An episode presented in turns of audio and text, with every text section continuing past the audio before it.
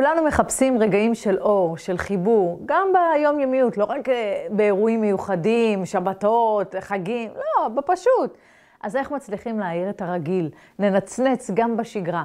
בואו ננסה ללמוד ביחד.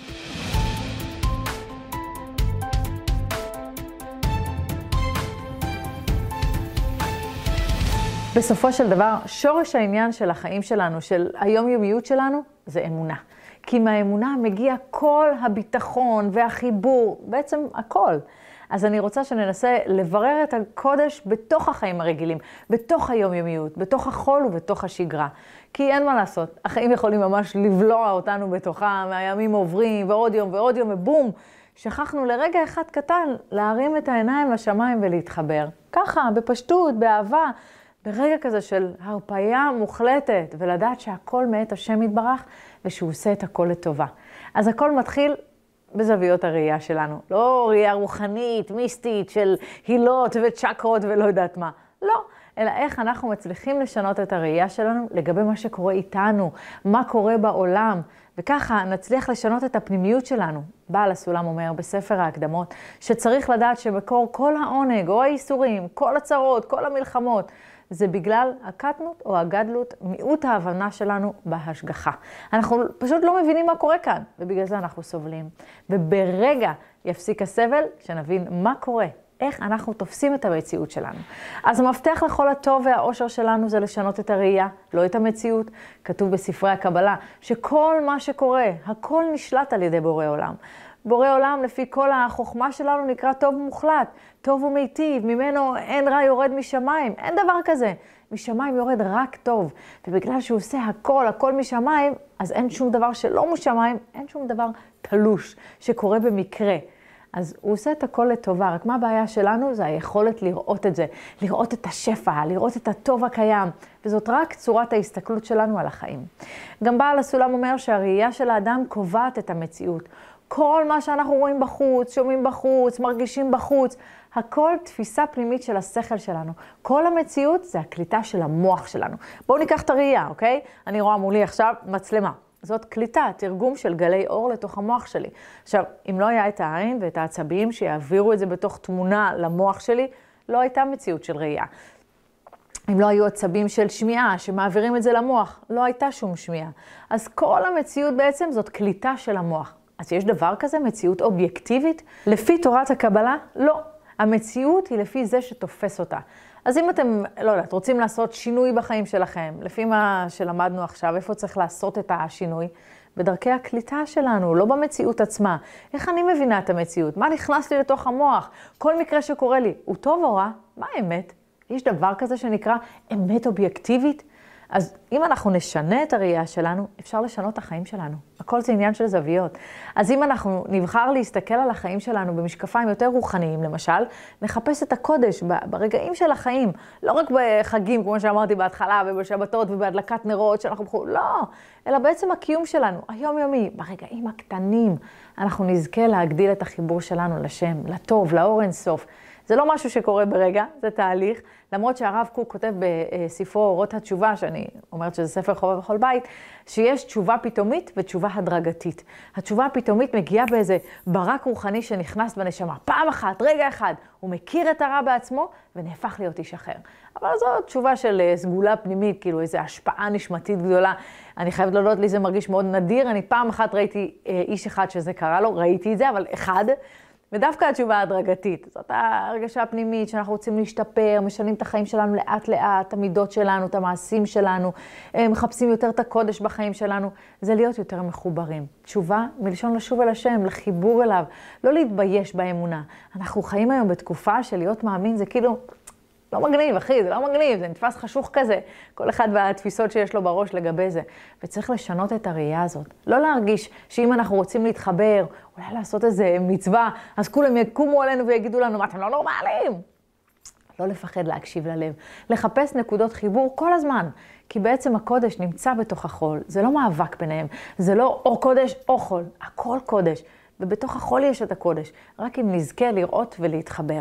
אז צריך להחדיר לעצמות, ללב ולכל חלק בעצמנו, שכל מה שקורה, אנחנו מזמינים אל החיים שלנו.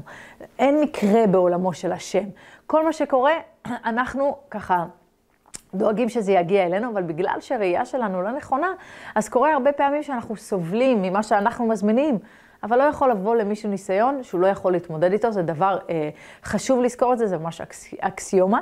אה, אדם יכול להתמודד עם הניסיונות שנותנים לו והוא מזמין אותם, אנחנו ככה בורים את הסביבה שלנו, את הניסיונות שלנו, אז לפתח ראייה רוחנית. אם הגיע ניסיון, קודם כל להגיד, אוקיי, אני הזמנתי אותו אליי, בטח יש פה איזה שיעור בשבילי, יש פה איזה לימוד בשבילי, יש מתנה. וזה נקרא להתחיל לחיות חיים רוחניים. אם בא אליי משהו, אז אני הזמנתי אותו, לא תטורו אחרי לבבכם ואחרי עיניכם.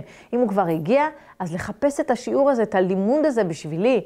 יש אנשים חיצוניים ויש אנשים פנימיים. אנשים פנימיים זה אנשים שנכנסים להיכלות קודש, מבינים שבאנו לעולם הזה למטרה. מה המטרה שבכלל הגענו לכאן? למה? למשוך נשמה עליונה, לבנות אותה, לפתח אותה, למשוך אור עליון, לסיים את התיקון שלה. אז כל העולם, כל החיים שלנו, הכל, הכל, הכל, כל רגע ורגע, זה כמו להסתכל על זה חדר אימונים בשביל לעשות את העבודה הזאת. אבל יצר הרע והחיים החיצוניים מכניסים את האדם לצורת חיים שמה שחשוב זה מה שבחוץ. הפנימיות לא מעניינת, שוכחים את הנפש. יש נפש לכל אחד ואחת בגוף. מה ההבדל בין אנשים שונים? שאצל חלק היא מגולה מאוד, ואצל חלק היא מגולה מעט. וכל השפע שיש לאדם, נגיד, מתי אדם שמח? כשהנפש מתגלה ומשתלטת על הגוף. כל המצב של שמחה, עושר, כזה חזק, פתאום צורכי הגוף כזה יורדים, נכון? שאנחנו מתרגשים ממשהו. אנחנו לא רעבים, אנחנו לא עייפים, יש כזה חיות חדשה. אמ, אני אוהבת לעשות לעצמי תרגיל כזה שאני ממש ממש עייפה, אז אני אומרת לעצמי, טוב, אם עכשיו היו אומרים לך, זכית בלוטו, לא משנה, אני אף פעם לא אומרת, אבל לא נגיד, זכית בלוטו, איך הייתי מתעוררת? וואי, או אם עכשיו בעלך היה אומר לך, ממי, מחר אנחנו עושים חופש עם uh, הילדים בצפון, בצימר, ואני ארזתי להם גם את כל המזוודות, עלק, חלומות באוויר, כן? אבל נגיד, נכון, ישר הייתי מתעוררת? ככה אני שואלת את עצמי, ממש מרגישה את הרגשת ההתעוררות, ואז זהו, אני כבר לא עייפה כל כך. כי גילוי הנפש זה גילוי נפש רגעי, אבל תחשבו שהנפש הייתה מגולה תמיד, כל הזמן. מה זה נפש מגולה? נגיד אנחנו אה, נוגעים בסיר חם.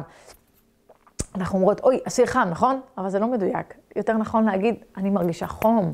אנחנו יכולים לחיות אה, בבדיקה ושפיטה של, של העולם בחוץ, או לבדוק את הנפש שלנו, איך אני מגיבה לעולם החיצוני, מה החום עושה לי, מישהו העליב אותך, מה בעצם קרה פה? קרה מצב חיצוני, והאדם הפנימי מיד מרגיש את הנפש שלו מגיבה. מה זה נפש מגיבה? שהוא כאילו, רגע, רגע, איזה רגש זה? מה, מיד בודק. מה זה העלה לי עכשיו? מה, מה הבעיה? הוא העליב אותי? הוא לא בסדר? לא, הוא שליח של הבורא, לעורר בי עוד חלקים בנפש שלי. וככה מגלים את הנפש שלנו. כל מצב בחיים זה בשביל לגרות את הנפש שלנו. כל מפגש עם בן אדם מעורר בנו משהו, קנאה, אהבה, שמחה, עצבים, כל מיני רגשות. וכל אלה זה גילוי הנפש. תורת הקבלה והחסידות אומרת שאדם רוחני מתחיל לגלות את הנפש שלו רק על ידי התבוננות איך העולם מגרה לו את הנפש ואיך הוא מגיב. ככה הוא לומד את עצמו. הוא מבין שכל גירוי חיצוני שמגרה לו את הנפש, מטרתו לגלות עוד חלקים נסתרים בנפש שלו. ואפשר להגיע ממש לערנות גמורה לגמרי, מכל שיחה, מכל מפגש, מכל דבר. נכון, נכון, ברור שזו רמה מאוד מאוד גבוהה, כן? אבל אמרתי זה גם כמה פעמים, ברוחניות צריך לשאוף הכי גבוה. מתחילים בקטן וצועדים צעד אחר צעד אחר צעד אחר צעד. מביאים מודעות לחיים שלנו. רואים איך הכל, כל העולם כולו לא נברא אלא בשבילי, בשביל שנגיע למקום שאליו אנחנו צריכים להגיע, שנגיע לנקודה שלנו, לייעוד שלנו ונפעל שם. אז אה, מודעות זאת ההתחלה. להכיר את הנפש שלנו ואיך אנחנו מגיבות לחיים. האדם החיצוני רואה רע בחוץ, מאשים את הבחוץ, את האישה, את העבודה, את הכל, חוץ מאשר לקחת אחריות ולהגיד, יש רע בתוכי. אנחנו עוד לא סיימנו את התיקון שלנו, כן? כולנו יש uh, בעיות. אבל זה, זה כזה לא נעים, נכון? זה כזה לא בא לראות את זה. אבל זה אין הבדולח, תורת המראות, הבעל שם טוב, אין כלום בחוץ, הכל בתוכנו. צריך לתקן את עצמנו, את המידות שלנו, ואז אנחנו נזכך את הכלים שלנו, בשביל שנגלה את, הנפש יותר, בשביל שנתחבר לבורא עולם, בשביל שנהיה יותר שלמים. כל דבר בחוץ בא ללמד אותנו משהו על עצמנו. ואם לא נשכיל לראות את זה כאילו לשים לב לפרטים הקטנים, אנחנו נמשיך להיות בלופ הזה. אנחנו נמשיך למשוך את הניסיונות באותו כיוון, עד שנתקן, כל אחד והמידות הבעייתיות שלו. וכשיש גילוי הנפש וראייה רוחנית נכונה, אז הקודש שבתוכנו גדל, אנחנו גדלים. ואם לא יהיה לנו את הגירויים האלה להשתנות, איך נשתנה? אם הכל היה טוב ונוח ושנתי, איך נשתנה? והגירוי הכי חזק זה בן הזוג, כי זאת ההופכיות המושלמת. יש דברים שאנחנו נסתדר בהם בדיוק, ויש דברים שהם הפוכים לנו לגמרי. הכל בשביל לגרות את הנפש, להתאמן. אבל בשורה התחתונה חייבים להסתדר, כי מי שלא מסתדר בזוגיות שלו, לא מבין למה הוא בא, בא לעולם. כי אם אתם לא מבינים שהבן זוג הוא השליח הכי נאמן של השם בשביל שנעבוד, שנשתנה, פספסתם את הנקודה.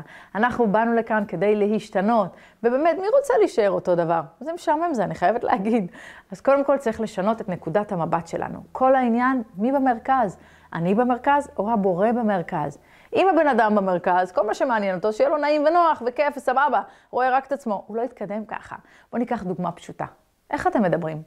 מדברים. איך? שפה נקייה, או בורח מדי פעם איזה קללה עסיסית. תבחנו את עצמכם. עכשיו, בחברות מסוימות זה נורמלי לדבר ככה בגסויות האלה, אבל זה לא טוב, זה לא טוב בכלל, כי אנחנו אמרנו, אנחנו רוצים קודש בתוך החול. אז זה דברים קטנים שאנחנו מנקים מעצמנו, מתקדשים. להתקדש, הפירוש שלו זה להתבדל, להיות נבדל ומאוחד. לעומת חול שזה מפוזר, כמו גרגירי חול. אז צריך להחליט שאתם רוצים לראות דברים בצורה שונה, רוצים להשתנות מבפנים, להיות יותר טובים, יותר חסד, יותר לוותר, לעבוד על המידות בנפש. לא להמשיך לחיות כמו אותה ילדה קטנה, אלא פשוט להתבגר. כל אחד צריך לזהות את שורש הנשמה שלו. מאיפה היא באה? חסדים או גבורות, מים או אש. האמת שזה קל לראות ברגע שלומדים קצת מהספרים, מזהים. מי שבא מצד מסוים, אז התיקון הולך בשני שלבים. לכולנו, כן? התיקון הולך בשני שלבים. למשל, מי שבא מצד החסד. אז השלב הראשון בתיקון שלו יהיה להגיע לשלמות החסד, שלמות הנתינה, נתינה בלי גבול לכל אחד ואחת, אהבה אינסופית לכל אחד. מה קשה למישהו ש, שבא מצד החסד? להגיד למישהו לא. להעיר הערה, להתעמת, לא, לא, רק לא זה, כי זה חסד. אז השלב הראשון של מישהו שבא מצד החסד זה להשלים את מידת החסד לגמרי, אבל זה רק הקרקע ההתחלתית לתיקון שלו. כי זה בא לו נכון לוותר בקלות, לוותר על שלו, להגיד בסדר או ככה, זה קל. אז מה התיקון בעצם? בגבורות, ללמוד להגיד לא. מה היו הניסיונות של אברהם אבינו? גרש את האמה, גרש אותם. אברהם אבינו כולו חסד, נתינה, אהבה, לגרש, ועוד את הבן שלו, ובכל זאת אישה ילדה לו את הבן הזה. זה בשביל ניסיון. מה שיכול להיות למישהו עם מבנה אישיות שונה קל, לאברהם אבינו זה היה ממש קריאה נפשית קשה. והוא עמד בניסיון, הוא השלים את עצמו בצד השני. אני לא אכנס עכשיו לכל מידה ומידה, מי שרוצה אה, ללמוד ולקרוא, אפשר אה, לקרוא בשערי קדושה, הספר של רבי חיים ויטל. נכון, הוא לא הכי פשוט, אבל אפשר לנסות. יש כמובן את ספר התניא, דווקא את ספר התניא יש עם המון המון פירושים. אה, יש גם את בלבבי משכן אבנה, יש גם שם, ובעלי שור, וכמובן באתר בסוד הדברים של הרב יובל הכהן השארוב, יש לו שם אה, שיעורים מורחבים בנושא, והוא ממש נכנס שם לעומק של כל היסודות, רוח, מים, עפר, מאוד מאוד מעמיק. אז המאבקים האלה בין הקודש לחול שבתוכנו, צריך להבין שבעצם אין מאבק. אפשר לחיות עם שניהם בתוכנו. ההסתכלות צריכה להיות רוחנית. ההבנה שהכל זה שיעור אחד מתמשך ולהחזיק ראש, לא להתייאש. יש סיפור יפה של רבי נחמן שנקרא האבן הגדולה. מלך אחד שלח את בנו למרחקים ללמוד מדע וחוכמה. אה, אחרי כמה שנים חזר הבן, ככה מלומד יותר, אל ארמון המלך. יום אחד ביקש המלך מהבן שלו להרים אבן גדולה וכבדה מאוד ולקחת אותה אל מרומי הארמון. עכשיו, בגלל הגודל והמשקל של האבן, אין, הוא, הוא לא הצליח, הוא לא הצליח, הבן של המלך. ממש הצטער על זה שהוא לא מצליח, שהוא לא מצליח לעשות מה שאבא שלו ביקש ממנו. כשראה המלך את הבן שלו עצוב, הוא אמר לו, תגיד, נראה לך הגיוני שאני אצווה לך לעשות דבר כל כך קשה ובלתי אפשרי? אני התכוונתי שתשבור את האבן לחתיכות קטנות ותעלה אותן קצת קצת, כל פעם אל הארמון. על כמה רצונות החלטנו לוותר כשהמחשבה המוטעית היא הכל או לא כלום הובילה אותנו אל הלא כלום. כבד, נכון, אז להרים או לעשות הכל לפעמים גם בלתי אפשרי, אבל אם נתבונן עוד רגע אחד נוסף, וככה יותר בעומק, אנחנו נגלה שאם נתאים את עצמנו אל הקצב והמשקל של המשימה, אנחנו נצליח. וכולנו מרגישים לפעמים שהכל נראה פשוט יותר מדי. אבל באמת זה לא, כי, כי לא שולחים לנו ניסיון שלא נוכל לעמוד בו. כולנו מרגישים את האפסיות שלנו אל מול המצב הזה שהשתלט על העולם. אבל אולי בשביל זה כל זה קרה, אני לא יודעת, אין מה לעשות עכשיו חשבונות שמיים. אבל התקופה הזאת היא שיעור מאוד חזק באמונה. יש תורה מאוד יפה של רבי נחמן, אם התחלנו עם סיפור שלו אז כבר נמשיך. אה, יש אה, תורה ד' שהיא אומרת, כשאדם יודע שכל מאורותיו הם לטובתו, זאת הבחינה היא מעין עולם הבא. כשאנחנו באמת ככה מתחברים ומבינים שגם הרע, הכואב הזה, הרגע העצוב, המדכא, המכעיס, המעליב, לא משנה מה, הוא לטובתנו. הוא בא להראות לנו את הנפש שלנו, להגדיל אותנו, להעצים אותנו. אז אנחנו בעצם חיים בעולם הבא, עולם יותר מחובר. וכל הדברים שמגיעים זה בשביל לשנות אותנו, שנתקדם ונשתנה. בסוף הכל זה חינוך עצמי, כל אחד והעולם הפנימי שלו. וזה מתחיל קודם כל בלהכיר את עצמנו, את המידות שלנו. בספר עלי שור אומר שמי שלא יודע את עצמו כמו שצריך, לעולם לא ימצא כלום פנימי. לא תהיה לו שלווה פנימית. ולזה בעצם כולנו רוצים להגיע, נכון? אז צריך להתחיל ולהתבונן. כולנו חושבים, אה, אני מכירה את עצמי, ברור. אבל תכלס, רובנו לא מכירים את עצמנו. רוב הדברים מוסתרים אצלנו עמוק, עמוק, עמוק, עמוק. והחלק שאנחנו מכירים, או חושבים שאנחנו מכירים, זה ממש מעל פני השטח. אז צריך לזכור שאין שום דבר בחוץ, הכל אצלנו בפנים, והשם מדבר איתנו, מה אנחנו צריכים לשנות, וכשהוא מראה לנו את זה בחוץ, זה יכול להיות אולי קטן אצלנו, אבל הקדוש ברוך הוא יראה לנו את זה בגדול בחוץ, בשביל שלא נפספס את זה.